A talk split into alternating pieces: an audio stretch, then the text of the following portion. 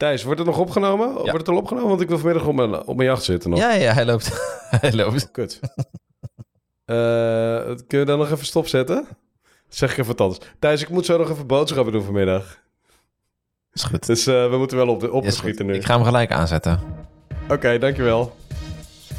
Jij bent verantwoordelijk voor je eigen keuzes. Wij proberen je alleen te helpen aan een betere mindset over geld, zodat jij ook een financieel eindbaas kan worden. De inhoud mag op geen enkele wijze opgevat worden als financieel advies. Welkom en leuk dat je luistert naar een nieuwe aflevering van De Geldvrienden. Een podcast voor onze vrienden, waarin wij de geheimen delen die van jou een financiële eindbaas maken. Wij vechten tegen iedereen die je qua geld naait. Dat is inclusief je onderbewuste zelf. Tegen iedereen die denkt dat een financieel vrij leven alleen voor de grootverdieners en de workaholics is weggelegd. Ja, Ja man, daar gaan we het dus over hebben vandaag. Hè? Over keihard genaaid worden door eh, de grote hand van boven. zeker. Daar gaan we het zeker over hebben. En eh, dat wordt een hele, hele spannende aflevering. Want het is, eh, het is ook een, ook een hele gevaarlijke aflevering, hè? die hand van boven. Ja. En wat, alles wat ermee gepaard gaat. Ja, precies. Nou ja, nee, het is. ehm, eh, ik, ik, refereer een heel klein beetje aan de onzichtbare hand van, van Adam Smith. Maar ehm, ja, dit, deze gaat over, over hele belangrijke economische dingen die gaande zijn. Waar we gewoon met z'n allen gigantisch mee te maken hebben.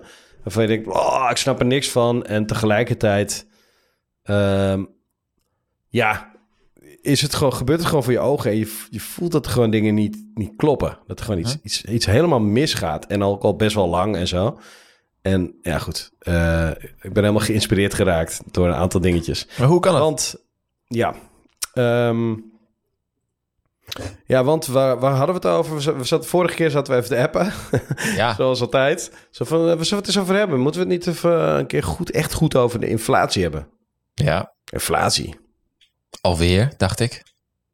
Ja, alweer, inderdaad. Maar ook wel echt wel van nu. Want ja, eh, hè, Ja. ehm, ja, weet je, dat, dat veel te dure huis bijvoorbeeld. ehm, voor een leuk, leuk zo'n feitje bijvoorbeeld is dat tegenwoordig eh, gemiddeld zes keer een jaarinkomen voor een huis wordt betaald. Wauw. Maar ik denk wel meer trouwens. Want ja, ik zat dat laatste een beetje uit te zoeken. eh, op basis van natuurlijk onze gesprekjes over inflatie en zo. Mhm. Oké. Neem je modale inkomen. Ja, dat is 40 2023, 40k. Helemaal Ja. goed. Ja, bruto, hè? Bruto. bruto. Exact. Dat is netto 2550 euro Ja, ja. per maand. Maar de gemiddelde huizenprijs in Nederland in 2023... 412.000 euro.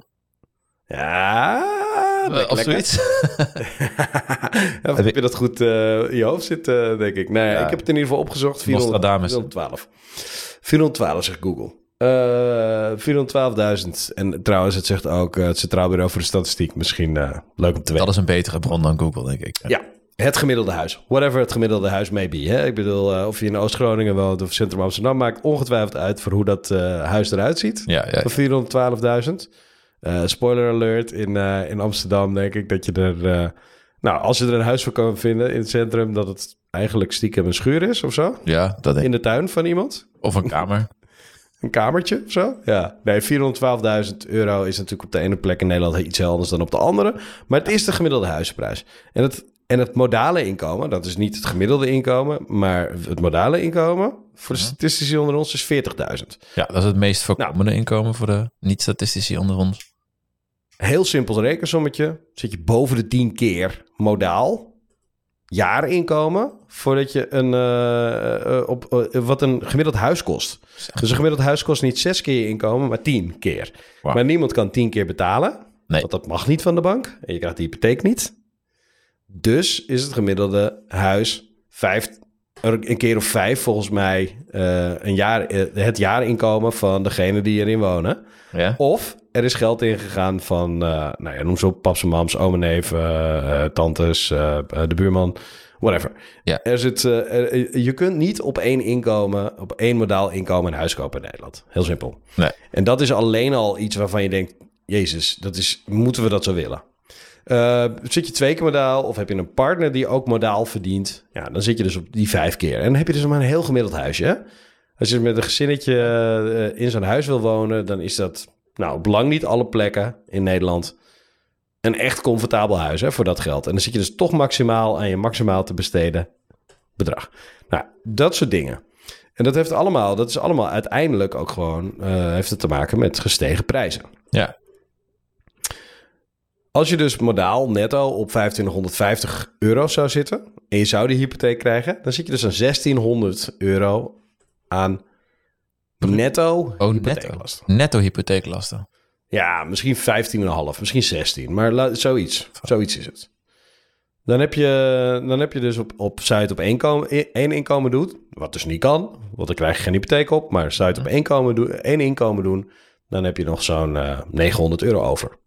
Maar we weten ook allemaal nog dat netto is niet netto, want eh, je huis, dat, verdient, dat heeft onderhoud nodig, dus daar heb je een potje voor nodig. En het is ook nog zo, en dat kost je zo, zo ook 200 euro per maand op een eh, beetje huis. Moet je dat wel echt wegleggen, als Mhm. het niet meer is. Eh, je, je gaat er nog energie in stoppen. Je gaat er nog verzekeringen aan, eh, aan hebben. Je hebt misschien een vereniging van eigenaren. Misschien moet je wel erfpacht betalen. Yep. Moet op. Dat netto is dus nog lang nog niet netto voor, het- voor het huis. En ehm, dat, is, voor- dat is het verschil tussen netto en bruto. Als je, als je huurt, heb je een netto woonlast. En als je koopt, heb je een bruto woonlast. Ja. En die is dan 1600 netto. Ja, lastig verhaal, maar eh, bij, in de huur zit in ieder geval het onderhoud in. Ja. Ja, ja. ja En in een koopwoning nog niet. Nou, dus dat moet je ook nog meenemen. Het is nog niet eens af dus, hè, met, je, met, met al dit soort eh, bedragen. Nou, daar zit dus echt wel iets eh, scheef in. En zo zijn er nog wat dingen. Je hebt bijvoorbeeld je hebt te maken met eh, kinderopvang. Ja, daar heb ik. tegenwoordig, eh, ja, precies. nou ja, hoeveel kost dat? Duur. Heel duur, toch? Eh, ja, dat is echt extreem. Ja. Ja. Het is wel na een paar jaar over. Want ja, op een gegeven moment gaan je kinderen natuurlijk naar de kleuterschool of naar de, de basisschool, of whatever. Maar dan heb je misschien op BSO. Dat kost flink wat minder, Ja. geloof ik. Ja, ja, precies. Dan wordt het allemaal heel stuk goedkoper, maar die eerste paar jaar betaal je het wel. En dat Ja. is net het moment dat je net je nieuwe huis hebt waarschijnlijk. Bij ons is de, de, de, de bruto... eh, eh, leuk zijpad. Onze, wat wij betalen per maand bruto aan kinderopvangtoeslag is net zoveel als, de, als het onze machtige hypotheek bruto kost. Godskeleren. Dus eigenlijk heb ik twee keer een hypo- hypotheek. Alleen, ja, ja, nou dat is. ja, Ja, ja, het is echt... dat is toch ziek? Maar het is natuurlijk wel zo dat we een, eh, een bijna gratis opvang eh, gaan krijgen. Ja, te En laat. Thijs, wanneer ga jij die ontvangen? Niet, denk ik. Niet, want in 2027 komt die. Gefeliciteerd Ah, misschien- daarmee. Misschien eh, als ik nog een, eh, als er een nakomertje komt of zo. eh. Ja, precies. Wie weet, wie weet. Oh, heb je nieuws? nee, Hm, nee dat, zou, ik- dat zou gelukkig ik ook wel niet zo, zo delen natuurlijk. Hè? Dat, dat weet je wel. Nee, dat is maar goed ook. Ik heb je kinderen gezien. Het is niet Ja. knap. Dus eh, Oké, sorry voor dit zijpadje iedereen. nee, nee, nee, maar ik, eh, ik, ik- die, is, eh, die is wel even... Dat zijn wel dingen die je dus allemaal in je eigen echte leven dus spelen. Ja. En wat er ook speelt, is dat is die bijna gratis opvang. En daar maakte ik een grapje over, maar die zou er dit jaar al zijn. Maar die komt dus op z'n vroegst, want die is al uitgesteld, in, in 2027. Ja, dat is drieënhalf jaar wachten. Ja, waarvan niemand denkt dat er ook echt daadwerkelijk het personeel valt te vinden voor, voor, eh, voor bijna gratis opvang. En eh, er zijn nog allerlei andere factoren die ervoor gaan zorgen dat we dat voorlopig eh, niet gaan meemaken. In ieder geval niet met, met, de, die mensen die nu al kinderen hebben. Ik denk, ik gok Maar dat we ze het het voor- geen van alle. We doen het voor de eh, generatie na. Ja, Dat is gewoon... nou laten we het hopen dat het er komt. Eh, dan heb je nog eh, ter compensatie, eh, compensatie de gecombineerde combinatiekorting. Die waarschijnlijk eh, gaat verdwijnen in 2025. Is dat niet de inkomensafhankelijke combinatiekorting? Sorry, zei ik gecombineerde, hè? Ja, ik Ja, bedoel, het- dat is echt een. Ik vind dat zo'n raar ding. Dat is op het moment dat je dus de partner die het minst verdient meer gaat werken, verdien je, krijg je meer toeslag. Tot een bepaald Ja. punt. Het is Het heel is leuk. eigenlijk gewoon om, om, om mensen te, met, eh, met goed betaalde banen te stimuleren om toch kinderen te nemen of zo. Zoiets. Ja, Of, of, mensen die, of andersom, mensen met kinderen te, te stimuleren en, en een hoge, op, hoge opleiding en veel verdiencapaciteit te stimuleren om toch te gaan werken. Zoiets. ja, ja, precies zoiets. Nou ja, Ja, Maar goed. In ieder geval, eh, Netto, netto, deze, ja, deze, dit, dit extraatje voor, eh, voor de dure, om de dure kinderlijke op, opvang een beetje te, Het compenseren eh, gaat er eh, waarschijnlijk af, ver voordat de kinderopvang een stuk goedkoper gaat worden. Waardoor we dus allemaal nog ietsjes harder zullen, zullen eh, pijn hebben de komende paar jaar waarschijnlijk. Ja. Nou ja, allemaal dus dingen die, die, die gaande zijn. En die hebben allemaal te maken met de squeeze waar we in zitten. En die squeeze, ja, die squeeze, die, dat is eigenlijk waar, waar, wat de inspiratie heeft opgeleverd. We hadden het hierover, over de inflatie. En toen dacht ik, oh, hier heb ik een keer eerder een super vette podcast over geluisterd. Namelijk eh, ehm, de podcast van, en dat komt in de show notes. Ah, van David Dus, eh, McWilliam, McWilliams, of niet? ja, dus je Around hoeft nu niet Ja. je hoeft nu niet je rondje hardlopen te onderbreken of eh, van het toilet te komen als je zit te poepen of zo om, eh, om het op te schrijven. Het staat gewoon in de show notes. Zou dat de mensen zijn die luisteren tijdens het poepen? Ik weet het wel zeker, Thijs. En dat ze dan nu aan het allemaal. zijn. En dan zouden ze zitten of zouden ze staan? Ja, dat hebben ze, als ze de vorige podcast hebben geluisterd, zijn ze misschien wel een keer gaan, eh, dan gaan ze misschien wel een keer staan vegen, Thijs. Oh, sorry. Ik vind het wat te grappig. Ja. Weet je dat ik laatst, toen had ik geveegd en dacht ik, veeg nog even na, half staand. En inderdaad, het is me bevallen, man. Ja, ben je geconfronteerd? Ja, nou, ik ben, ik ben, ik ben eh, hybride. Ik ben nog niet helemaal gegaan voor het complete staand eh, afwegen. Je durft dat niet helemaal. Nou, ik zit eerst even rustig. Dan gaat hij gewoon eventjes up. Ja? En dan. Maar je hebt de, de, belangrijkste van alle vegen is de naveeg voor het, voor het aantrekken van je ondergoed. Ja, ja, dat is... eh, Die voorkomt namelijk eh, de skidmarks. Ja, zeker. Of zoals je bij mijn zoon hebt, eh, als je dan net niet alles goed uitpoept en die wil dan eerst zelf van de, van de toilet af dat er een stukje poep uit zijn broek al, alvast in zijn onderbroek valt en dat je dat te laat door hebt. dat je denkt, waarom stinkt het zo? Maar goed. Zeg ja, even eh, van, oh, eh, papa moet eventjes eh, iets doen. Ga maar even naar mama. ja, ja, Toch? ja. Maar nee, die podcast, die heet dus die aflevering waar jij het specifiek over hebt. Het is trouwens een hele goede podcast. De David, David met. Williams Ja, podcast. Deze Heerlijk, aflevering Ierse is van, accent, hè? van januari of zo. En die heet Around the World, 30 year, 30 year olds are getting screwed. En dat Ja. vond ik, ja, het is echt, echt machtig. Zo, sowieso, ik heb, ik heb bijna, denk wel 30, af- 30 afleveringen van die podcast geluisterd in twee weken of zo. Oh ja? Ja, ik vind het echt Wauw. fantastisch. Ja, nou ja, die, die vent, nou ja, die, die kan het zo lekker vertellen. En het is grappig. Ik heb echt een paar keer, heb ik echt met, eh, heb ik echt met, eh, heb ik echt lopen grinniken op straat, zeg maar, tijdens het Ja. luisteren. En, en nou ja, deze vond ik in ieder geval super inspirerend. En ehm, ja, goed, daarin komt iets voor, waar we het later ook nog over gaan hebben. Yes. Eh, een, een boek voor. Maar ik denk dat het eventjes belangrijk is om eventjes eh, die podcast eens eventjes te fileren. Of in ieder geval de ideeën eraan. Eh, en die zitten, die, dat gaat dus eigenlijk in deze over waarom de dertigers van nu ja, over de hele wereld, over de hele westerse wereld zou je kunnen zeggen, maar eh, over de hele anglo-saxische wereld, hoe je het wilt benoemen, maar in deze wereld eh, genaaid worden op het moment. ja. Dus dat zijn de Ehm, late millennials en de, Ja, ja, tussen de, ja, rond de jaren 1990 tot 1998 geboren of zo. Ja. Zoiets toch? Ja.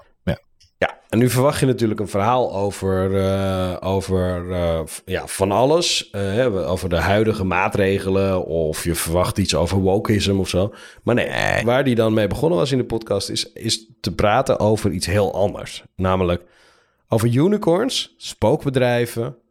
ehm, die door de 0% rente kunnen bestaan. Oftewel, bedrijven in de... en dit komt bekend voor, voor de wat ouderen onder ons... Voor mij dus onder andere. eh, bedrijven die, die, eh, die eigenlijk niet zo heel vreselijk veel toevoegen. Ja. Wel een heel tof idee hebben. Ontzettend makkelijk geld daarmee aantrekken. Ja.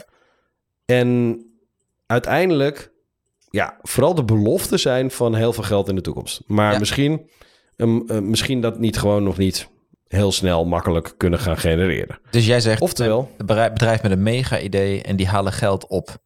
En ja, de er wordt geen winst gemaakt, er wordt geen eens omzet gemaakt. maar het kan wel. Maar er wordt wel ontzettend veel geld eh, ingepompt. En dat kan omdat die rente op 0% staat. Precies. En wat, wat er nou eh, gebeurt, is, ehm, is de, eigenlijk dat het, dat het, het, het, het cre- creëert een vorm van lege groei. Groei die groei lijkt. Mhm. Namelijk dat bedrijf dat groeit En er komen mensen bij. Het, Mhm. het is niet alleen zo dat je een of andere waarde ziet toenemen of zo, of zelfs een beurswaarde. Nee, je ziet het bedrijf echt van groeien. En het ene jaar werken er 500 mensen, het volgende jaar werken er 5000 mensen, het jaar daarna werken er 50.000 mensen, en het Mhm. het jaar daarna werken er 500.000 mensen. Ehm, en dat bedrijf groeit en groeit en groeit en groeit en groeit. En, en, en dat komt omdat ze. Dat, dat krijgt een soort van self. Het wordt bijna een self-fulfilling, self-fulfilling prophecy, die, Ja. die groei. Ehm, en dan krijg je dus echt het idee dat dit een groot bedrijf is. Maar dat groot bedrijf, dat, dat, eh, dat heeft eigenlijk nog nooit een cent verdiend. Verdiend, nee. Er zijn alleen maar heel veel slimme mensen bezig aan een of ander slim idee. En ehm, soms lukt dat. Soms, krijg je, soms ontstaat daar Facebook uit of, eh, of, eh, of Tesla. Het gebeurt ook, heel, ook wel eens dat het nooit gaat lukken. En uiteindelijk ehm, komt dat omdat er geen prijs staat op dat, op die, op dat geld. Dat geld is, eh, is tien jaar lang in ieder geval vrijwel tegen 0% rente geleend op grote schaal. Ja, ja, ja, ja. ja. En dat betekent dus ook dat dat bedrijf dus eigenlijk geen rente betaalt over het geld. En het bedrijf hoeft dus ook geen winst te maken om voor te blijven bestaan. Er is niemand die zegt van ja, maar jij, jij moet die rentes aan mij betalen, want er zijn geen rentes. Weet je, het geld is bijna gratis geleend. Ehm, stel je eens voor dat het anders is. Stel, eh, stel dat datzelfde bedrijf wil 100 miljard lenen. Ja. En dan zegt men, de, de, de uitlener die zegt, ja, dat is prima, maar dan moet je 5% rente betalen. Ja. En dat, betekent dat, dat zou betekenen dat het bedrijf dus ieder jaar 5 miljard winst moet maken. Nou, nee, niet, niet winst, maar ze moeten die 5 miljard terugbetalen. Nee, ze moeten, ze moeten 5 miljard winst betalen als... eh, als ja, nee, ze moeten dus winst maken om het terug te kunnen betalen. Ja, Maar ze moeten, elke- ze moeten elke 5 miljard van terugbetalen. Dus 5 Ze moeten miljard. elk jaar 5 miljard zien terug te betalen. En eh, die 5 miljard die betaal je niet terug zonder dat je winst maakt. Eh, Lijkt me sterk. Ja, of je moet een een of andere, andere bank hebben die, eh, die het wil Nee, maar, ja, tuurlijk. Nou ja, daar krijg je dus van. Dan heb je dus weer een bedrijf. Wat, dan heb je dus weer. Ofwel je maakt die 5 miljard winst. Of je gaat ze bijlenen. Ja. Ja. Maar bij 5% houdt dat wel op een gegeven moment op. Op het moment dat je de schulden niet meer kunt betalen. Mhm. Als je de, de rentes in ieder geval niet meer kunt betalen. Dan heb je echt een acuut betalingsprobleem. En dan zegt een bedrijf. Ja, maar als je nu niet betaalt, dan zet- dan zetten we het licht uit. En zo ga je dus failliet. Ja, ze hadden met een bank kan doen eh, met, je, met, een, eh, met een woning, toch? Als je je hypotheek gewoon niet meer betaalt. En dat die hypotheekrente zo hoog is dat je het niet meer kan betalen elke maand. Dat, op een gegeven moment zegt de bank ook... betaal je inderdaad je hypotheekrente. Je betaalt je hypotheek niet af. Over het algemeen. Tenminste, doe je voor een deeltje. Eh, en al zijn er ook natuurlijk aflossingsvrije hypotheken. Maar het enige wat je moet kunnen betalen is je maandlast. Ja. En dat bedrijf heeft ook een bepaalde soort, laten we het een maandlast noemen. En, dat, en als de rente heel laag is, dan, dan is die maandlast heel laag. Ja. Of de jaarlast. Nou, dan hoeft het bedrijf dus ook voorlopig even geen winst te maken. En als het een keer moeilijk wordt, dat ze denken, oh shit, er eh, moet toch eens wat, eh, wat geld bij. Ja, dan kunnen ze dat opnieuw lenen, want ja, dat is weer lekker makkelijk en lekker goedkoop. ja, ja. Zo, gaat, zo ontstaan dus bedrijven die eigenlijk dus de moeite niet waard zijn om een bedrijf te zijn. Ehm, die, eh, die ook wel spookbedrijven genoemd worden. ja spookbedrijven, zombiebedrijven. Of zombiebedrijven Ja. worden ze ook wel genoemd. En dat is dus eigenlijk wel het geval bij een, eh, een deel van de, eh, van de techbedrijven. Zelfs bij de allergrootste zit er voor een deel zit spookwaarde in. Heb je En, voorbeelden? ehm, of, eh, Nou ja, voorbeelden zijn bijvoorbeeld dat op een gegeven moment kwamen, kwamen natuurlijk een aantal van de hele grote namen kwamen met grote ontslagrondes. Ja. Google, Twitter, nu X, weet je wel? Ja. Enorme, enorme ontslagen. Ik geloof dat X wel de helft van het personeel eruit getiefd heeft of zo. Ik weet niet of jij dat weet. ja, veel, veel. Musk, ja. Ja. Enorme hoeveelheden personeel die er gewoon echt hoogopgeleide eh, mensen, ja, die opeens allemaal geen baan meer hebben. Ehm, en eh, die, die mensen die hebben een probleem. Ja. Tegelijkertijd, eh, en, en, en waar komt dat door? Ja, omdat, omdat als je nu wil lenen, als je nu geld bij wil, wil nemen, kost dat, het staat er wel rente tegenover. En, is dat, En dat komt natuurlijk omdat er inflatie is gekomen. en dat is die 5% nu toch ongeveer? Ja, ik weet niet wat, de- wat de marktrente is voor, dit, voor dergelijke leningen. Dat heeft natuurlijk alles te maken met een, een, een, een, een renteniveau van een lening. Dat is ook als je zelf een lening gaat halen bij een whatever. Bij een, als je een korte termijn lening gaat halen. Ja, een- nee, natuurlijk. Dat, dat valt veel. ja, een flitskrediet kan 12 eh, kosten. Dat mag volgens mij al niet meer. Maar Nee. die had je tientallen procenten voor een dag en zo. Eh, maar je, Ja. je hebt natuurlijk ook de hele veilige hypotheekrentes. En die zijn veel lager. En, eh, want een onderpand, hè, je huis is gewoon je onderpand. Ehm, maar wat, wat, eh, wat, wat gebeurt is dus dat er een lege vorm van groei wordt gecreëerd. En het jammere van dat lege is natuurlijk dat het ook weer leeg kan lopen. Ja. En dat is nu wat, dat is dus heel, dat is op dit moment heel fragiel. Nou, daar gaat, die, eh, daar gaat dat eh, voor een deel over. En het jammer is dus dat, dus dat precies degene die daar dus eh, gevaar lopen, dat zijn weer die 30-somethings. En hoe komt dat dan? Omdat zij toevallig de, de, de, het opleidingniveau hebben en, de, en, het leeftijd, en de leeftijd om dergelijke banen te hebben. Ja, precies. Die zitten daar. En die zijn hoog opgeleid. En die hebben op de een of andere manier altijd pech gehad. Zullen we het, eh, wat eh, lijstjes aflopen wat zij allemaal mee hebben gemaakt in hun leven? Ja, dat vind ik superleuk. Ja. Nou ja, niet leuk. Kijk. Eh, confronterend misschien wel, maar ga door. Vertel. Mensen geboren tussen 1988 en, 9 en 1993. Hè? Daar hebben we het ook ongeveer. Oh ja, dat ben ik, man. Dat ben jij. Zijn, Ja, ben mensen ik en al mijn de vrienden. 30 en de 5. Hè? Ben ik en al mijn vrienden. Precies. Nou. Ehm, jullie ze hebben best wel een lastige tijd gehad. Want je kwam, je kwam zeg maar eh, uit school. Rond 2008, 2009.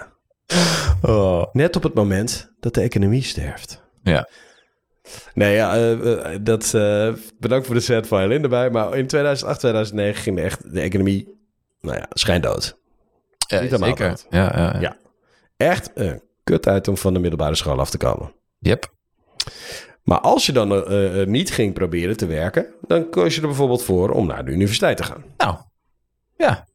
Dat deden we. Hogeschool. Yep. Ja. Precies. En op het moment dat je daar uitkwam, kwam je terecht in de periode van austerity. Oftewel, een ja, heel beperkte, eh, beperkte middelen wereldwijd. Wel, De, de, de, de, Strengheid. slot zat op economie. Ja, austerity, Ja, strengheid, eh, rigidness of zo. eh, strengheid. Ja, Ja, een beetje. Ja, ja, hoe moet je dat zeggen? Hè? Austerity is ook zo'n lekker woord. Ehm, even vast even een, eh, een, een noot voor degene die gaan proberen om dit soort boeken te lezen. Je gaat allemaal van dit soort termen krijgen waarvan je denkt, wat de fuck is austerity eigenlijk? Maar austerity is iets als grootschalige besparingen, eh, de rem erop, Ja, proberen, eh, Ja. ja. Ja. proberen om, om ja, het, het, het zinkende schip eh, boven water te houden, eh, alles, alle, alle zeilen bijzetten, maar niet op een manier dat veel groei oplevert, maar juist eerder krimp. Weet je, lonen worden, blijven bijvoorbeeld laag. Ja, ja. Ehm, een soort kater van de crisis. Ehm, en daar zit je dan in op het moment dat je uit de universiteit komt. Op dat moment werd ook de rente naar nul teruggebracht. Waarom?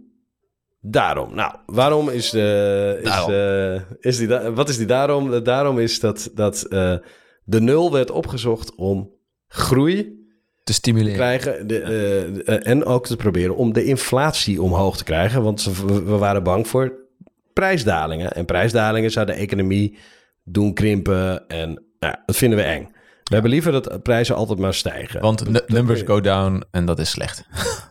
Zoiets, ja. ja, ja. Het is, ehm, eh, dus, maar, eh, dus doe je de rente omlaag naar nul. Wat er niet bij werd verteld is dat het ook wel heel handig is als je de rente naar nul doet. Omdat in de jaren daarvoor, toen de rente ook al een keer op nul, bijna nul, eh, veel te laag was in ieder geval. In de jaren, in de nulties, zeg maar, Ja. van 0 tot 2008. De nulties.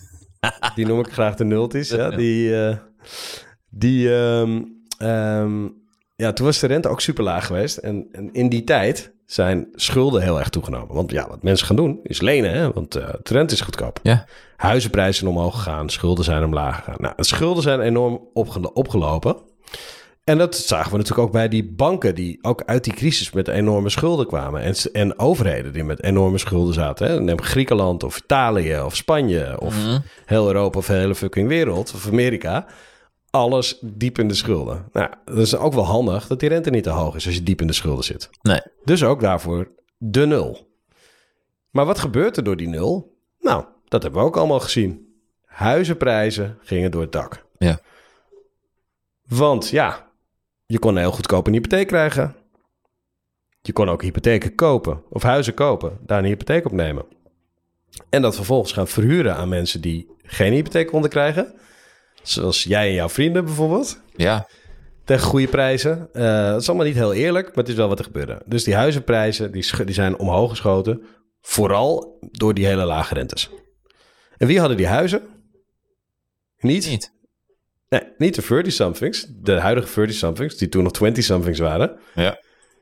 Want ja, die hadden maar net een baan... die ook nog niet zo goed betaald werd door die austerity... als ze die al eh, konden krijgen. En paps en mams, die hadden wel een huis. Maar dat huis dat werd maar duurder en duurder en duurder. En die ouders, die zijn er allemaal heel... al die boomers, die zijn er heel rijk van geworden. Ja. Ja. ja. Ja, iedereen die al een huis had, die er al in zat... werd rijker en rijker. Want die hadden al huizen. Ja, en huis. En de toen nog- historisch gezien doen het gewoon eh, goed voor je welvaart. Of ja, vermogen, laat ik het zo zeggen. Ja. Ja, ja, je kunt het dus ook gewoon papieren vermogen noemen. Hè? Ja. Want je zit erin, je betaalt eh maandelijks je hypotheek. En op een dag ga je er een keer uit. En dan is het, ja, op dat moment is het misschien een keer vermogen. Het kan ook gewoon dat je de rest van je leven er blijft zitten. Of dat je voor je volgende huis ook, ook een hogere prijs betaalt. Ja, ja, ja. Dus ja, het is nog een beetje de vraag in hoeverre dat er echt vermogen is. Ja. Het is ook heel persoons, eh, persoonsgebonden. Het is heel afhankelijk van je situatie. Je kunt er gebruik van maken. Je kan er ook geen gebruik van maken. Maar dat is Eh, eh, nou een beetje hetzelfde als met... ehm, als je aandelen hebt van... zoals Elon Musk toch, met die, die heeft dan aandelen in Tesla. Ja dat, Ja. dat vertegenwoordigt een bepaalde waarde. En ja, het is niet dat hij dat eh, gelijk kan opnemen. En eh, Nee. extra broodje kan kopen bij de, bij de bakker. Nee, precies. En elke keer als, eh, als Musk ehm, ehm, negatief in het nieuws komt, of Tesla negatief in het nieuws komt, dan is Musk opeens 100 miljard rijker of armer op papier. Heeft hij heeft hij in één keer 100 eh, miljard verloren of zo, weet ik wel. Ja, oké. Of Of, verdiend. verdiend. Ja, dus omdat de waardering van Tesla omhoog is gegaan. Let's move on, weet je wel. Ja. Het is toch niet normaal? Ja. Maar is- dit soort dingen, dat is dus, dat is dus wat, je, wat je papieren rijkdom noemt. Ja. En papieren rijkdom, die, neemt dus, die is dus enorm toegenomen door, door, de, door die nul op de rentemarkt. Ja. Je voelt een beetje waar we heen gaan, hè? Die rente, Ah, tuurlijk. die rente. Onthoud rente. Het woord rente, want als je rente begrijpt, denk ik dat je de huidige economie begrijpt. Nice. Jammer is alleen dat rente fucking moeilijk te begrijpen is. Oh. Is heel erg complex. Maar ik vind wel dat als je dat goed begrijpt, hoe dat werkt, ja, dan kom je ver. Maar, Dus gaat Oké. nu een poging doen om dat uit te leggen? nou, ik ga eerst eventjes die eh 30-somethings eh, nog even afmaken. Ja. Letterlijk. De, in de- zoverre ze nog niet afgemaakt zijn. Sorry daarvoor thuis. Ja, ik denk dat ik one of the lucky, eh, lucky fews ben misschien. Zo voel ik me. Ja, dat is, dat is ook wel zo, joh. Maar en, en, en dit geldt natuurlijk niet voor iedereen. Hè. Dit, is, dit is een stereotypering van de situatie van de 30-something. Ja, maar dat is statistiek, hè. Dat geldt eh, op, eh, niet voor het individu.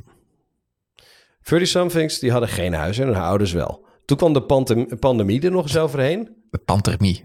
De pantermie kwam er overheen. En weer, weer twee jaar weggesnaaid. Yep.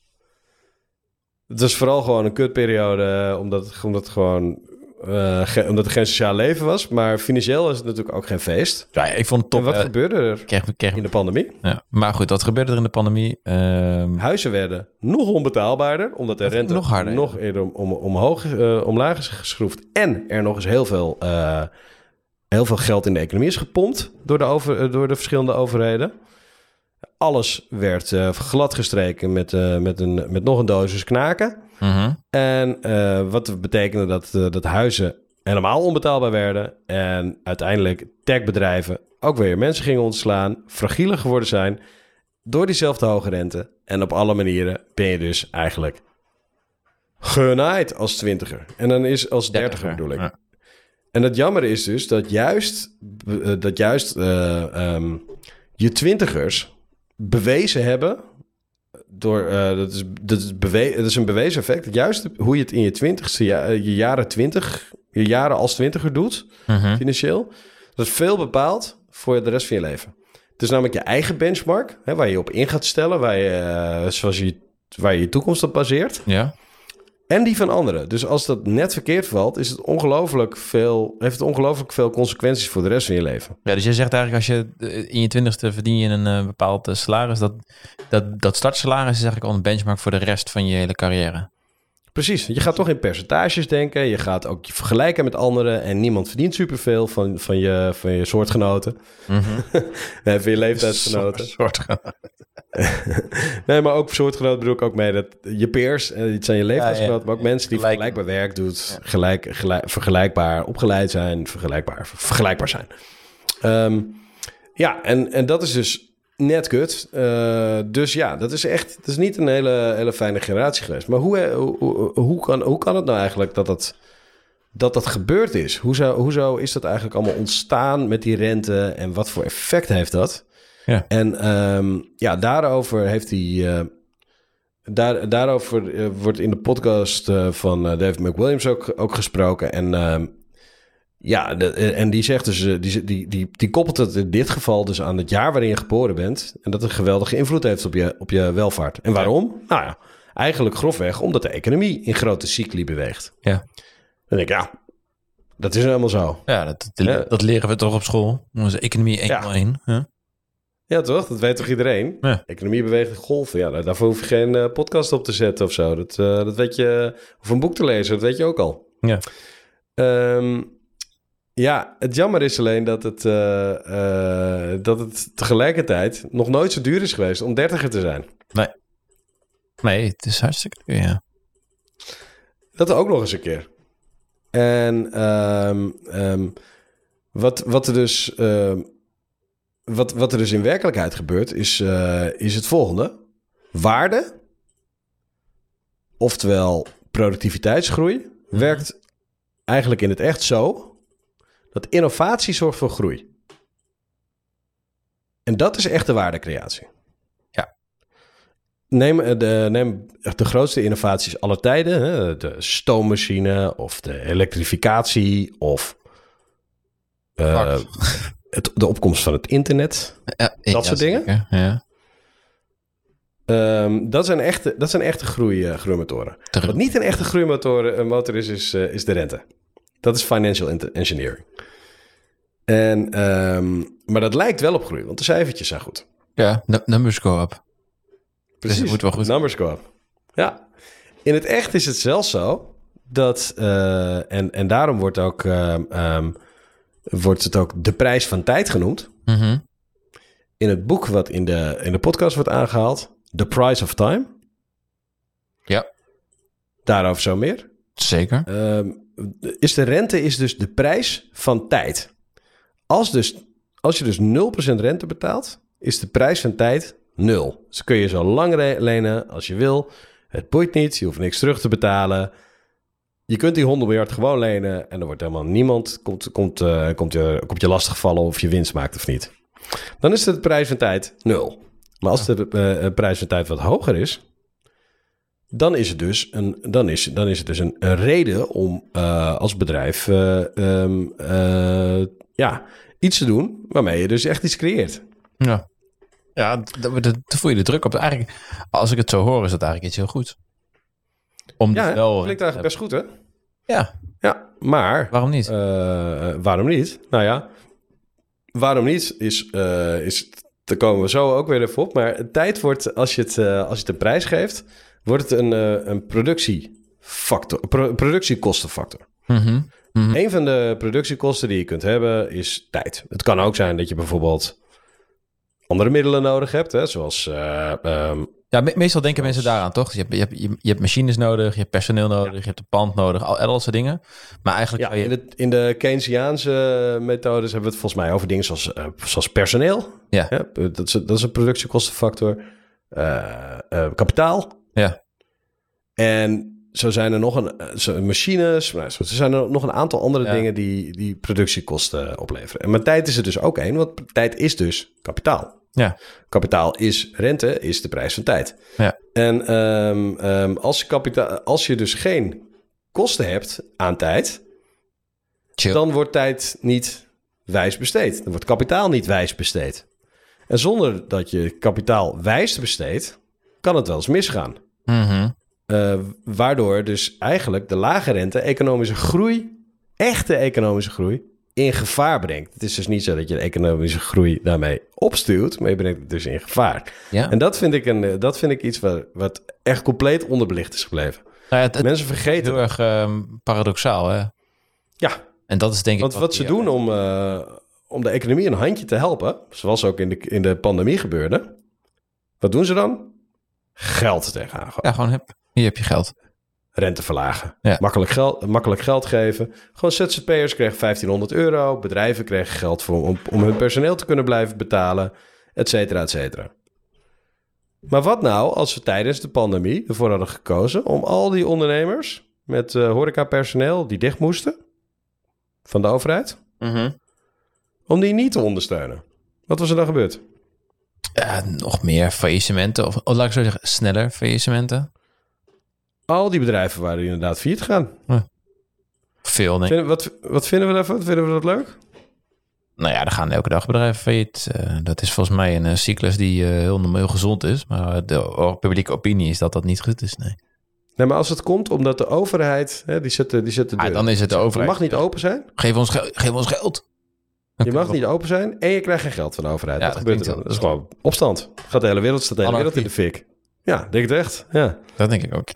ja, het doet zoveel pijn dat het niet meer, dat het niet meer kan. Dus wat, er, wat, er, eh, wat, wat, het, wat je dus gebeurt op het moment dat je, dat je de rente omlaag doet, is dat je, ja, je, je, je stelt iets uit, je, je, je, je strijkt iets glad, je zorgt Mhm. ervoor dat het dat dus niet de hele wereld in de fik gaat Hmm. door een pandemie. Ja, ja, ja.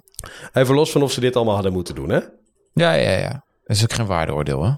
Nou, maar in het echt is het dus zo eh, dat, dat rente wordt gebruikt en, en eh, geld dus gratis wordt weggegeven om de economische, eh, de, de economie in, eh, de economische motor te laten lopen. Mhm.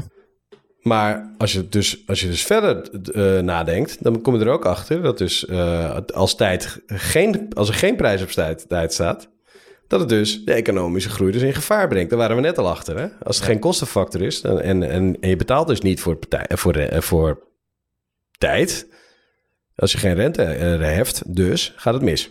Ja. Dus dat is best wel een pikkel. Ehm, dus ja, aan de ene kant doet het dus pijn als, eh, als, als, er, als er een keer goed opgeruimd wordt. Ja, ja, ja. Hè, de faillissementen, werkloosheid, krimp, kredietverstrekking omlaag. Ja, daar zijn we niet zo gek op. Daar houden we niet van. Ehm, maar het, het, eh, de, de, de is iets wat, eh, wat, al, wat al... Ja, het is allemaal niet gisteren bedacht. Het is allemaal al in één één of twee eeuwen geleden bedacht. In dit geval door meneer Schumpeter. Schumpeter. Is als je het mis laat gaan... Als je dus wel durft om bedrijven die, niet, die geen bestaansmeerrecht hebben... op in tijden van storm failliet te laten gaan... dan krijg je iets dat heet creative destruction. En Dat is eigenlijk een soort Darwin-achtige... eh, Ja, eh, dus ding- dingen worden kapot gaan en mensen gaan vanzelf op zoek naar een oplossing, zoiets in het grof. Om het Ja. toch, toch te laten werken of zo. En dan doen we dan samen en als individuen. Zoiets, ja. ja. Eigenlijk is het, eh, als, kan je het, eh, vond ik een mooi vergelijk waar ik, waar ik op moest waar ik op kwam, is eh, als een soort bos. Een bos na een storm. Ja? Als het stormt, dan zie je in een bos vallen de bomen om. Maar de bomen die overblijven, die krijgen meer ruimte.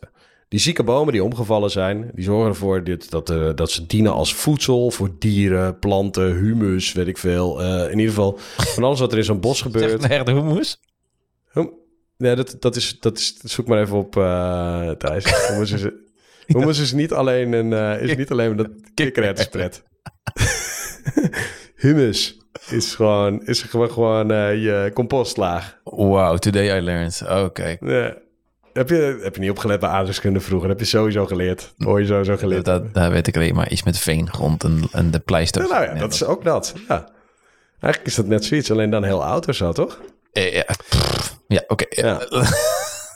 Maar in een bos vallen bomen om. Ja, ja. Andere bomen blijven staan. ja, die eten die Dat waren de sterke bomen. Die eten die kikkererwten, ja. ja. En van kikkererwten word je sterk. Sowieso.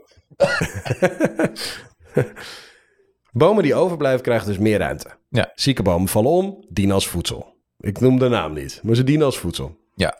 En die bomen die moet je dus niet willen beschermen, die omvallen. Want eh, je kunt ze wel gaan proberen omhoog te houden met, weet ik veel, ze aan elkaar vastbinden, palen neerzetten, whatever. Mhm. Maar dan krijg je dus dat de sterke bomen geen ruimte krijgen en de goede bomen wel. Eh, de zwakke bomen wel. Maar die zwakke bomen die moet je gewoon om laten vallen. Dan kunnen dus sterkere bomen eh, ze, ze gebruiken om nog sterker te worden. En dan krijg je, oh ja, uiteindelijk alleen de sterkste over. Survival of the fittest. Ja, ja. Dat is dus de ideale situatie. Als je het gewoon laat gebeuren. Dus eh, Het doet wel pijn als bomen omvallen. ja, dat, is een beetje, dat doe je dan zeg je, z- zonder anabolen. Helaas. Zonder anabolen, ja. Ja. Ja, Ja. precies. Ehm, en, en dat is dus het idee achter de creative destruction. En dat is economisch ook zo. Op het moment dat, er een, eh, dat, er, dat het economisch tekeer gaat, dat er iets groots verandert in de wereld, zie je vaak dat er dat, dat eh, in het verleden in ieder geval zijn er enorm veel bedrijven omgevallen. Eh, maar dat was ook wel even een schoonmaakactie. En eh, daardoor was het ook zo dat het geld wat dus dat, dat geld wat in die bedrijven opgesloten zat, Ja. bijvoorbeeld omdat er 0% rente werd gerekend door de, door die, door de uni- eh, aan die unicorn die 100 miljard aan het vasthouden is, waar eigenlijk niks nuttigs mee gebeurt. Mhm. Want die unicorn die is over 10 jaar bestaat die niet meer. En is die 100 miljard waarschijnlijk ook weg. In ieder geval, in het beste geval heeft het gewoon niks staan doen.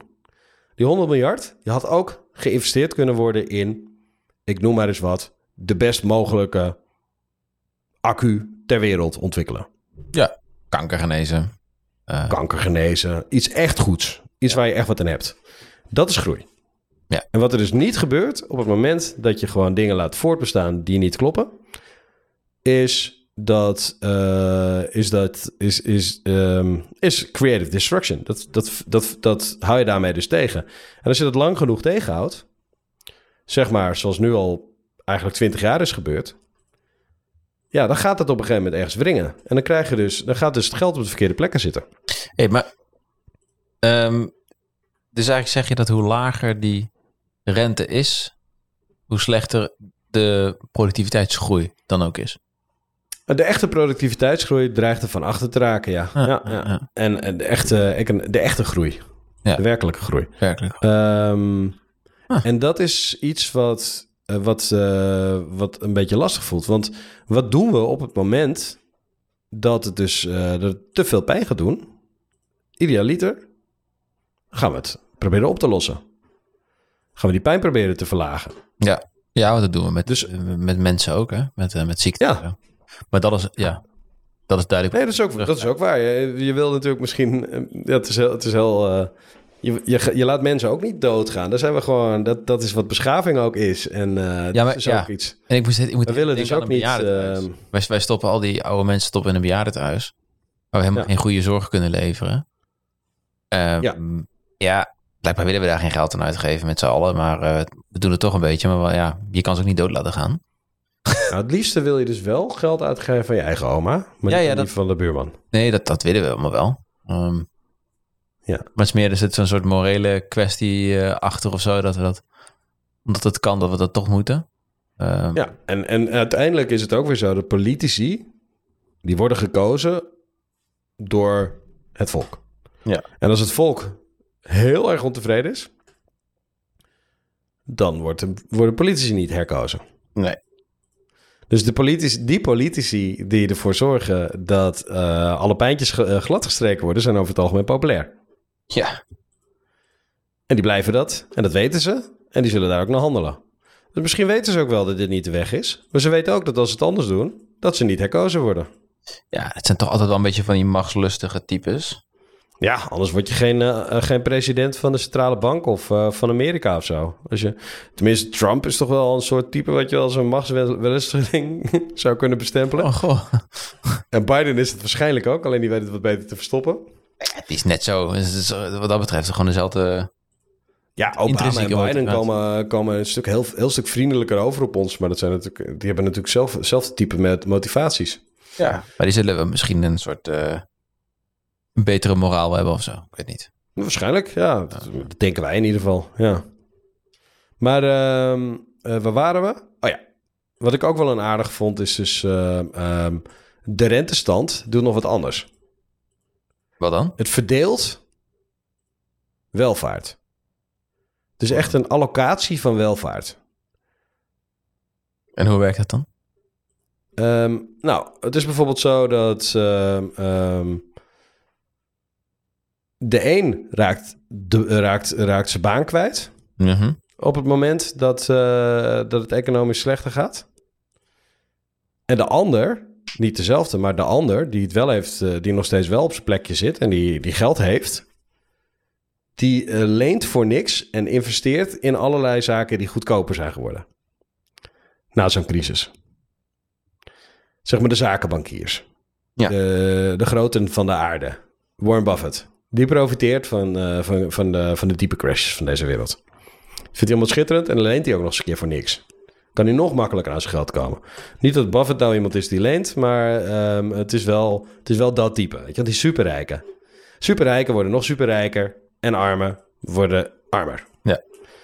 Ehm, omdat ook weer die armen, die hebben dus weer te maken met de, de dingen die ze nodig hebben. Hè? Voedsel, een huis, een auto. Zijn allemaal, worden allemaal duurder, terwijl zij niet rijker worden.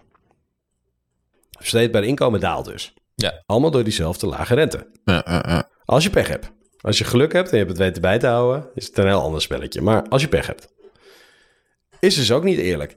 En eh, dan denk je, nou, lekker hè, dat, eh, dat kapitalisme. Waar dan dus wel weer op gestemd wordt door die armen, op de kapitalisten onder ons. Om- omdat zij zo goed zijn met het rente laag houden en, eh, en cadeautjes uitdelen. Hm. En zo hou je dus een, een soort van, eh, van, eh, van cyclus in stand. Een soort, een soort ehm, ja, hoe noem je dat? Zo'n eeuwigdurende cyclus die zichzelf versterkt. Een feedback loop of zo? Nee. Nee, nee ik, ik heb er een naam voor, maar die ben ik even kwijt. Maar ehm, cirkel.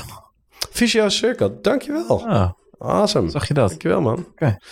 Ah, als ik jou niet had, jongen. Echt. Zo blij met je. Hadden we deze podcast niet gemaakt. Oh. Nee, dat, nee, dat weet ik ook wel zeker. Ja, ja, ja. Ehm, maar ehm, ja, dus, dus eigenlijk komt het erop neer dat, dat, eh, dat eigenlijk is er dus niks zo onkapitalistisch, non-liberaal, ondemocratisch als de economie zelf in handen nemen. Ja. Want wat je dus niet doet, is creative destruction toes- toestaan. Je laat dus niet bedrijven failliet gaan. Eh, liberalisme is dus helemaal weg. Het is ook niet democratisch, want het ligt in de handen van de, van de grote, grote, vaak meneren. Eh vooruit, Christine Lagarde, ECB, toch een mevrouw. Maar vaak zijn het meneren, grijze oude mannen... die de rente een beetje, een beetje onderling besluiten... met een sigaartje en, eh, en een rode broek aan. En die gaan het even zitten regelen ergens in Davos. En eh, ja, dit is dus niks zo, niks zo ondemocratisch als dat. En dat is ook helemaal niet liberaal. Weet je, het is juist centralisme. Het is juist bijna Sovjet-communistisch-achtig zoals we dan bestuurd worden. Die zouden daar wel trots op zijn, denk ik, ja. Ja, de Chinezen zijn er bijvoorbeeld ook best goed in. Met Die de... kunnen dat goed. Die kunnen ook lekker tegen iedereen zeggen van... we gaan het vanaf morgen anders doen. En je hebt maar gewoon te luisteren, want anders Ja, dan, eh, ja. dan word je naar een strafkamp gestuurd en zo. Dus de Chinezen die kunnen het allemaal wat beter. Ja. En die zijn er, die zijn er, van, eh, die zijn er historisch natuurlijk al goed in. Ja, dat was ook wel een beetje te verwachten. Ja. Ehm, ja, allemaal, van- allemaal, dat zijn dus allemaal dingen die dus, eh, die dus ja, onderhuids gebeuren. En wat je dus ziet is dus eigenlijk dat de toekomst, de nabije en de wat verdere toekomst, wordt eigenlijk, eh, wordt eigenlijk als, als huidige, als constante waarde gebruikt. Mhm. Dus toekomstige waarde wordt opgeofferd om op dit moment zo goed mogelijk drijvende te blijven. Om het zo goed mogelijk te doen nu. Ja. Want ja, de toekomst.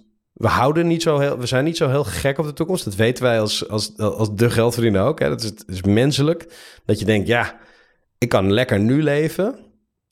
En waarom zou ik...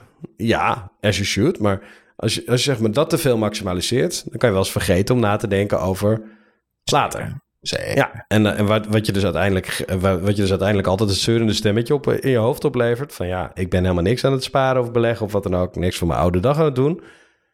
Ehm, en vandaag de dag geef ik alles uit en ik heb ook nog schulden. Kun je Hm. allemaal blijven doen. Maar er komt een dag dat je afgerekend wordt. Dus Ja. je leent, als je, als je te veel uitgeeft, dat geldt dus voor ons, maar dat geldt ook voor, eh, voor de wereldeconomie. Als je te veel uitgeeft, dan leen je gewoon van je toekomst. Je bent gewoon de toekomst aan het opmaken. En dan zul je zeggen van ja, dat komt me ergens bekend voor misschien. Ja, zeker. Want het verlenen van de toekomst, dat is, dat lijkt, het lijkt bijna alsof je het hebt over, eh, over onze ecologische wereld. Ja. Of je grondstoffen van de planeet eh, alvast gebruikt, eh, die je eigenlijk later nog nodig hebt. Om de mensen... Ja, dat je de hele boel, eh, de hele boel afvikt eh, om, om groei, groei, groei te creëren. Ja. Goh. Bijvoorbeeld in, in China, dan hebben we het weer over China. Want ja, die hebben natuurlijk ook, die hebben natuurlijk ook een enorme spurt gemaakt de afgelopen twee, drie decennia. Mhm. Hebben ze, die, hebben, die hebben blijkbaar tussen 2009 en 2012 net zoveel cement gebruikt als de VS in de 20e eeuw. Wat? Nog één Ja, keer. dat. In, in, het schijnt zo te zijn hoor, dat, dat in China eh, net zoveel cement is gebruikt in drie jaar tijd als in Amerika in de hele 20e eeuw. Holy crap. Dat meen je. Dat is echt Ja. insane. Ja, Ik weet niet hoeveel CO2 dat vertegenwoordigt, maar cement is, is een... eh, Is, Ja, in is beton zit heel veel, eh, wordt heel veel CO2 gestopt. Hij zit het opgesloten. Op het moment dat hij het sloopt, komt het volgens mij vrij. Ik weet niet precies hoe het Ja, dacht. ik. nou ja, volgens mij is het meer dat je de productie, voor de productie van het beton, Oh. ontzettend veel energie nodig. Dat zal ongetwijfeld ook. Cement dan. Eh, Cement. en je moet het verplaatsen en je moet het en, en die bouw en daar gaat ook weer staal in en staal is ook een enorme, Nou, enorme Eigenlijk gewoon het, het, het Bron idee van, dat ze eh, dat in drie jaar tijd gedaan hebben. En ja. Dus de uitstoot die daarmee gepaard gaat is, is, is gewoon immens. wauw. En dat is dus ook allemaal, ja, dat is ook allemaal ook weer gebaseerd op de, om, eh, de, de bijna ongelimiteerde hoeveelheid beschikbaar geld om in de bouw te stoppen. En in China is dat ook echt enorm gestimuleerd door de overheid. Ja. En dat heeft dus ook weer te maken met die ultralage rentes. Want ja, wie kon er makkelijk, eh, wie kon er makkelijk geld binnenhalen toen de tijd? China. Alle investeringen vlogen naar China.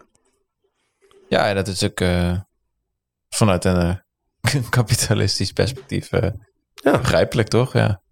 Zij willen meedoen. De mens is ongeduldig. We zijn verslaafd aan groei. En, eh, en die rente, ja, die, die, die levert gewoon die levert dit soort, dit soort effecten op. Dit zijn allerlei bijeffecten die je dus hebt doordat we, doordat we eh, zo verslaafd zijn eigenlijk aan ons, Ja. aan ons, ons huidige welvaartsniveau. Damn. En eh, je kunt je dus afvragen of het uiteindelijk ons wel- welvaartsniveau eh, het, het gaat verbeteren. Het antwoord is eigenlijk, als je het zo, als je het zo, eh, zo tussen de regels door gehoord hebt, volgens mij gewoon nee. Dat gaat onze uiteindelijke welvaart juist niet verbeteren, eerder verslechteren. Ja. Want we hebben geen echte groei, we hebben geen productiviteit, er is geen, het geld zit op de verkeerde plekken. Ja. Financial gaan- engineering, ja, ik vond het allemaal. Ja, de cijfers worden beter, maar iedereen, iedereen krijgt het slechter. En Oh, tegelijkertijd blijven we het juist doen. Omdat we, omdat we, omdat we ons anders onszelf. Omdat we de huidige pijn niet, eh, niet aankunnen. We kunnen het idee van de huidige pijn niet aan. Het is ook, het is ook heel oncomfortabel hè, om te weten dat je. eh, dat er dus bedrijven failliet moeten gaan. Dat, er gewoon, eh, dat, het, dat het zwaar is. Dat is. is- dat Zeker, is ja. Maar dat is het. eh, Ja, je denkt, eh, oh ja, nee, zo hoort het gewoon te zijn tot het, tot het jou gebeurt. Ja. Tot, je, En- tot je bij wijze van spreken, ehm, zoals... We hebben het nu niet over de huidige tijd, waarop het allemaal lijkt alsof je niet, niet, niet werkloos kunt zijn of zo. nee. Maar eh, neem die, die mensen die dat op een gegeven moment, weet ik veel, in Zuid-Limburg werkten, woonden en dat de mijnen dichtgingen. Ja. Dan hadden ze dus gewoon niks. Dat was gewoon, dat was gewoon niks. En niks. Nee, maar niks. Nee, maar ja, dat is dus gewoon dus die categorie. Ja, dat gaat, het gaat geheid echt wel een keer gebeuren nog. Ik hoop niet voor de 30, de, de nu 30. Ik weet het dus niet. Ik heb het gevoel dat, dat, dat, dat we zo ook verslaafd hieraan zijn. Dat, het blij, dat, het weg, dat we het bl- blijven weg-engineeren. Maar het is in ieder geval niet ideaal. Dat, eh, dat kun je zeggen. En, en, en ik vind dat wel echt super interessant om dat eens een keer zo van een afstandje te bekijken. Van wat gebeurt hier nou? En dat, Ja. dit gebeurt dus in dat boek. eh, The Price, of Time van Edward Chancellor. Ja, en ik, ik zal je vertellen, ik heb er een. Ik heb, er een, eh, ik heb deze podcast natuurlijk erover geluisterd. Ik heb een, ik heb een podcast met Ed, Edward Chancellor zelf eh, geluisterd. Oh, ik dacht dat je- dat je met Ed zelf hebt gezeten. Nee, zeker niet. Eh, die zal ook zeggen, van, van wie ben jij? Hij praat het Nederlands. nee, hij praat zeker geen Nederlands. Hij praat, hij praat heel posh English. En hij is, hij is ontzettend... Het is echt een... echt Oh my een, days. Ja, het is, het is next level. Die, die man die is gewoon... eh, die, die man die is... Die, die, dat is een, een histo economisch historicus. Die, die, die gaat in zijn boek... Gaat hij ook terug tot drie millennia voor Christus. Jezus. Babylonische tijd en noem het op. Het is, dus, eh, hij, heeft al, hij heeft alle effecten van hoe rente vroeger welke rol rente vroeger verspeelde, hoe het is ontstaan.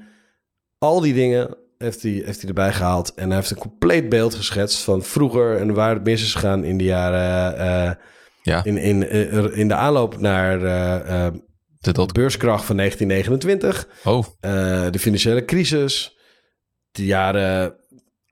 Maar ook de eeuwen ervoor al. Wat er, wat er, wat er bijvoorbeeld in de middeleeuwen, middeleeuwen gebeurde. Wat toen de rol was.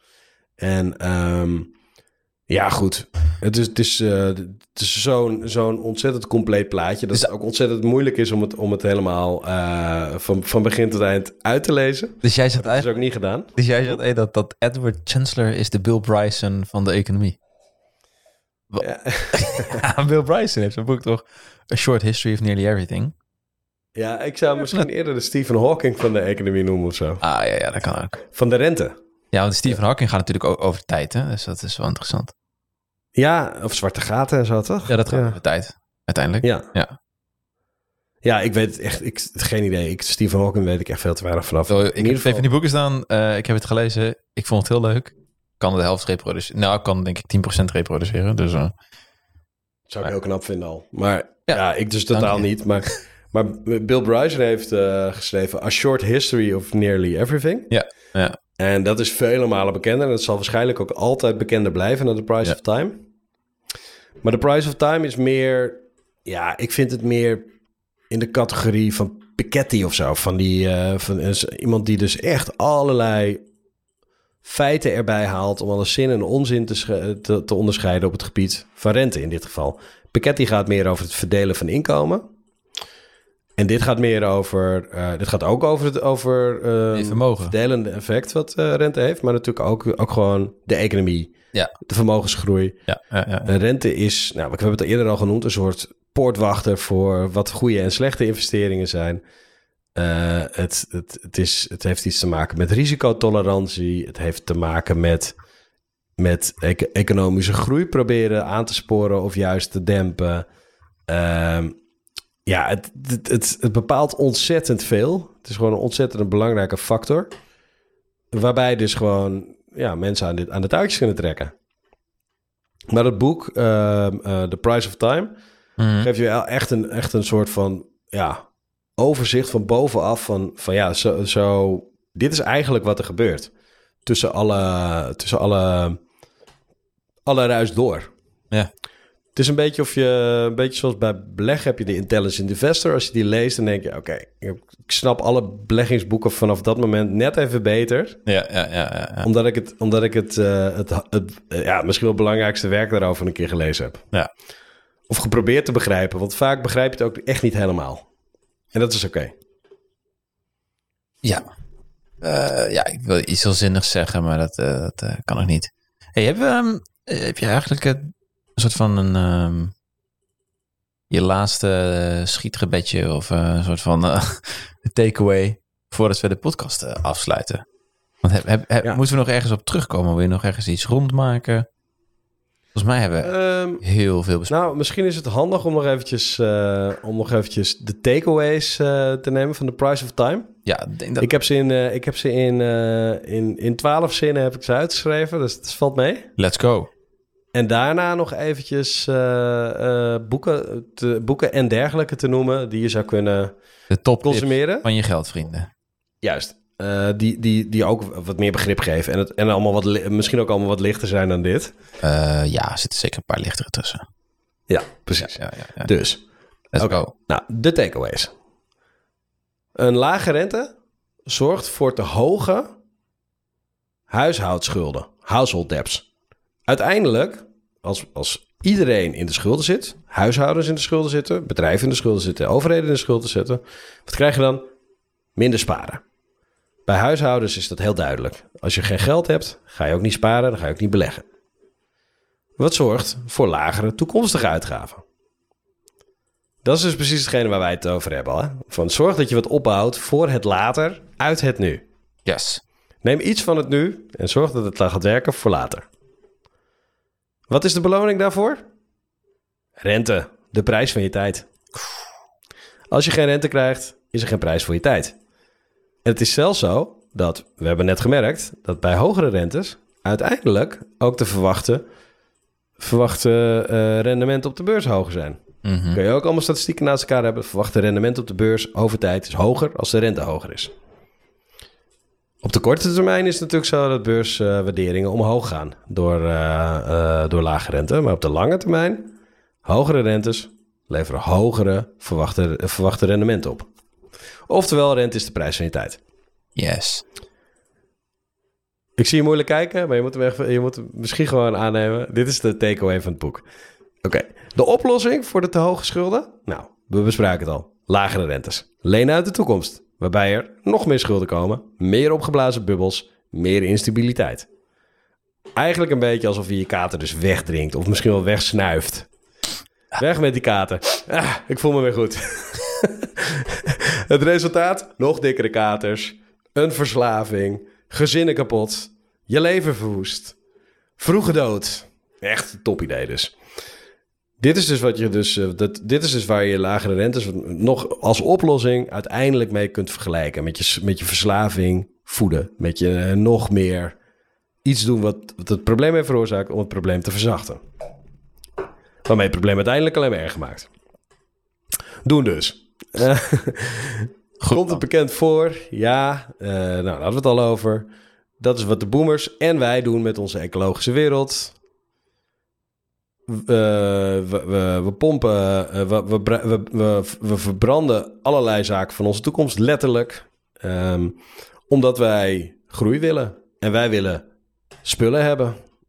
En eh, we willen zooi kopen die de Chinezen graag maken, waardoor zij eh, een, een, eh, altijd cement nodig hebben voor hun gebouwen. Mhm. En eh, waardoor we boten op moeten varen en, enzovoort. Om al, ons, al onze behoeften aan onnodige shit te blijven vervullen. Oftewel, we willen allemaal gewoon te veel. En dat is, heeft ook weer uiteindelijk te maken met dat. Alright, nou alles op de rente dus. Ehm, nou, dat, dat zijn een beetje de, voor mij de takeaways uit het boek. Maar ik weet zeker dat als je het zelf leest, dat je er nog heel veel andere dingen uithaalt. Daar kom ik de volgende keer op terug, ja. ja. Ja, Het is ongeduldig en we zijn verslaafd aan die groei. Dat, ja, ja, ja, ja. Ehm, en we lossen, het, op- we lossen dus eh, de problemen op door nieuwe problemen te creëren. En te lenen uit de toekomst. Boeken die je erover kunt lezen. Ja, ja we, hebben, we hebben wat eh, dingen eh, eigenlijk over het hele onderwerp hè, verzameld. En zeker ook wel eerder de revue gepasseerd. Zeker. Eh, ehm, onderbeurt? Wil je er eens Ja. noemen? Eh, ik zeg eh, als, eh, als boek wat voor mij de financiële crisis echt compleet verklaard heeft. En heel duidelijk heeft gemaakt wat er allemaal misging. Ja. The Big Short. Niet de film kijken, boek lezen. Echt Ja, het boek is totaal. compleet anders. Ja. En film is leuk, boek is nuttig. Weet je wel, het boek is echt ook heel tof om te lezen. Echt, echt een feest om te lezen. En tegelijkertijd ook, word je er ook een beetje cynisch van. Maar je hebt wel echt een goed plaatje over hoe de financiële crisis van 2008 is ontstaan. En als je dat goed begrijpt, of iets beter begrijpt, dan begrijp je ook alles wat er nu gebeurt weer wat beter. Nice. Dan eh, haal ik eh Piketty aan met de kapitaal in de 21ste eeuw. Over eh, ongelijkheid van vermogen en inkomen. ehm, en ook de, de, de toekomst, de verwachte opbrengsten van vermogen. En eh, hoe, dat, eh, hoe we de kloof tussen rijk en arm nog groter maken. Eh, en daar is rente ook een mega groot aandeel aan natuurlijk. Ja, dus Piketty. Maar wat, eh, ja, ik, Piketty. ik heb Piketty nooit... Ik, Piketty of Piketty? Piketty? Piketty, eh Het is wel Frans, maar dat is Piketty. Piketty, je ne sais pas. Ehm, ja, goed. De Bijbel van ongelijkheid zou ik zeggen. Maar ik, Ja. ik heb hem dus. Ik heb hem dus nooit. Ik heb me er nooit toe kunnen zetten om, om, om me daar echt in te verdiepen. Echt eh, het is een keer te lezen of zo. En ik gok dat heel veel mensen die erover ouwe hoeren het ook nooit, nooit gelezen hebben. Net zoals de Bijbel. Ik heb het gelezen. Voor nog 100 bladzijden of zo, denk ik. Maar het is gewoon... echt. Oh, Wauw. Ik ben blij dat ik hem in het Nederlands lees, maar het is wel gewoon... Je wordt gewoon wel echt doodgegooid met ehm, ja, cijfers. En dan moet je weer... eh, Er wordt heel veel dingen weer geïnterpreteerd. En het zijn hele ge- gecondenseerde zinnen. En dan heb je iets van 700 of 600 pagina's of zo. Het echt, boah. Zo, het klinkt echt, echt niet als een feest om dat te lezen. Maar ja, het, is natuurlijk, het heeft natuurlijk echt wel een storm door de financiële wereld veroorzaakt. Zeer leerzaam. En het, is ook, het, het maakt je heel erg... De realiteitszin eh, wordt er echt gereset door dat boek. En dat is denk ik heel goed voor veel mensen om dat stukje... Dat boek echt te lezen. Ja, ja, een beetje een tegengeluid, hè? Ja. Richt- tegen al het, al het kapitalisme en alle uitwassingen Neoliberalisme en zo. Ja.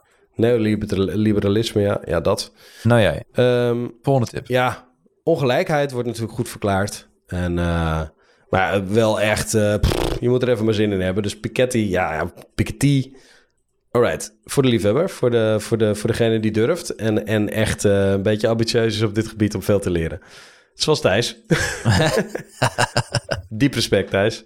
Nou, The Price of Time is er dus ook zo een. Maar dat zou je dan dus, eh, dat zou je dus als de renteversie van, eh, eh, van, van dit kunnen rentebijbel. noemen. De rentebijbel, ja, Ah, ja, nice. ja, ja. Ja, The Price of Time. Ja. Ehm, en ik denk dus, en ik herhaal hem, als je rente begrijpt, begrijp je alles over de economie. Sterk, man. Krachtig. Ja. Zullen we ook nog een filmpje erin gooien? Zeker. Van eh, Ray Dalio, die hebben we wel vaker genoemd. How the Economic Machine Works. Die moet je eigenlijk heerlijk. gewoon elk jaar moet je die gewoon een keer kijken. Het is niet heel lang, filmpje. Ehm, maar het is zo ontzettend goed. Nee, Zo. in de, in de tijd dat je één aflevering eh, op Netflix kunt kijken, kun je ook eh, Ray Dalio's eh The How the Economic Machine Works kijken. En het is nog vermakelijk ook. Ja, maar je moet zorgen dat je je telefoon weglegt. Maak het liefst aantekeningen tegelijkertijd, want dat gaat snel. Ja, Informatiedichtheid, wel de informatiedichtheid is hoog.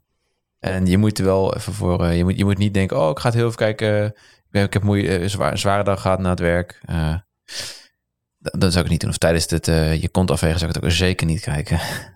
Nee, het gaat ook over zaken zoals fractioneel bankieren, waar wij het ook wel eens over gehad hebben. fractioneel bankieren, wauw. Maar ook dat is weer rente, hè? Dus Ja. uiteindelijk lijkt het allemaal, is het allemaal een andere invalshoek van hetzelfde trucje. Ja. Dus het gaat over, dit gaat eigenlijk over wat ik financial engineering noem. Gewoon trucjes uithalen met, eh, met eh, financiën.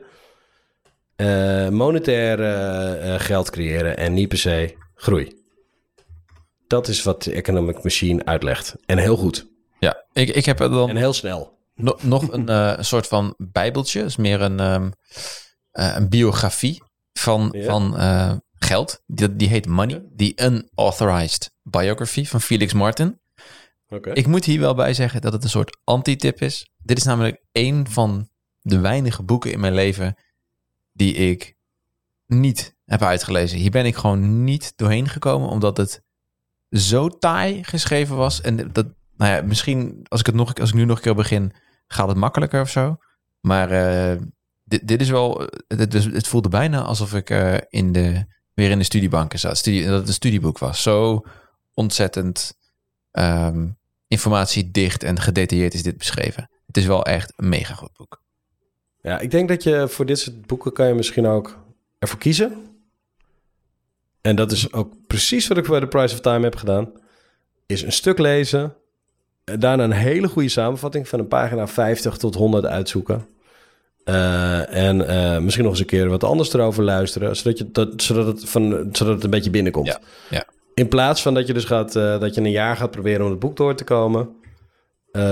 Als je niet zo'n lezer bent zoals Thijs, en dat ben ik zelf ook niet. Ik vind het ook moeilijk om, om in een week tijd mijn, week, mijn week lang op te sluiten en alleen maar Piketty te doen. Mhm. Dat lukt me niet. Of Piketty. Ga, ik, ik, ik, heb, ik heb in dit geval voor The Price of Time... Ik heb niet de hele 950 pagina's uitgelezen in een week. Echt niet. Ik heb er in totaal 200 gelezen. En ik heb eh, en uit verschillende hoofdstukken stukken gelezen. En ik heb, ik heb de samenvatting erbij... eh, heb, ik, heb ik geheel en aandachtig doorgelezen. Mhm. Echt mijn tijd voor genomen. En ik heb er nog eens een podcast over geluisterd met de man zelf. En zo snap ik het boek ongeveer. Ja. En dat is waarschijnlijk alles waar het bij blijft. Ik kan me nu wel voornemen om het hele boek te lezen. Dat ga ik waarschijnlijk in het echt misschien wel niet doen, misschien wel wel. Maar eh, daar gaat het ook niet om. Maar als je een grasp wil krijgen, krijgen van meerdere dingen tegelijk, dan is dit misschien wel een methode. Ja, Just het is- maar een idee. zeker. Dus zoals je hoort, eh, kan ik er aardig over lullen. Dus eh, Ja. ook, ook met deze kennis. Hij heeft nu, je hebt nu The Price of Time is nu drie keer getipt door Jeroen. Nee, maar goed, dit, is, eh, dit, dit geldt dus ook voor, wat jij net, voor het boek wat jij net noemt. Hè? Money, die unauthorized. Ja, ja, ja, zeker. Ja, zeker. Ja, en als voor- laatste stoppen we die podcast van de, Dave, de David McWilliams podcast. De specifieke aflevering nog even eh, erbij. Luistert die vooral leuk terug. Het is een korte, het is een korte aflevering van die podcast. Ik denk 25 minuten of zo, een half uurtje. Erg leuk. Ehm, en verder, ja, als je vragen hebt aan ons, eh info.geldvrienden.nl. Doneer je liefde, Ehm, mag ook als je vriend van de show wordt op vriendvandeshow.nl slash geldvrienden. Eh, wij proberen om de week in je inbox te zitten met onze fijne radiostemmetjes, hè, Jeroen, onze mooie potmics. Ehm, dan wil ik ook eigenlijk ehm, aan jou vragen om eh, nog iets te zeggen. Of is er niks Nee, te ik heb echt genoeg gezegd, eh, Thijs. Oké, nou dan Doe me, eh, stop maar. Oké, dan gaan we bij deze stoppen. Lieve mensen, tot een volgende keer. Jeroen, ik zie jou de volgende keer weer. Thanks.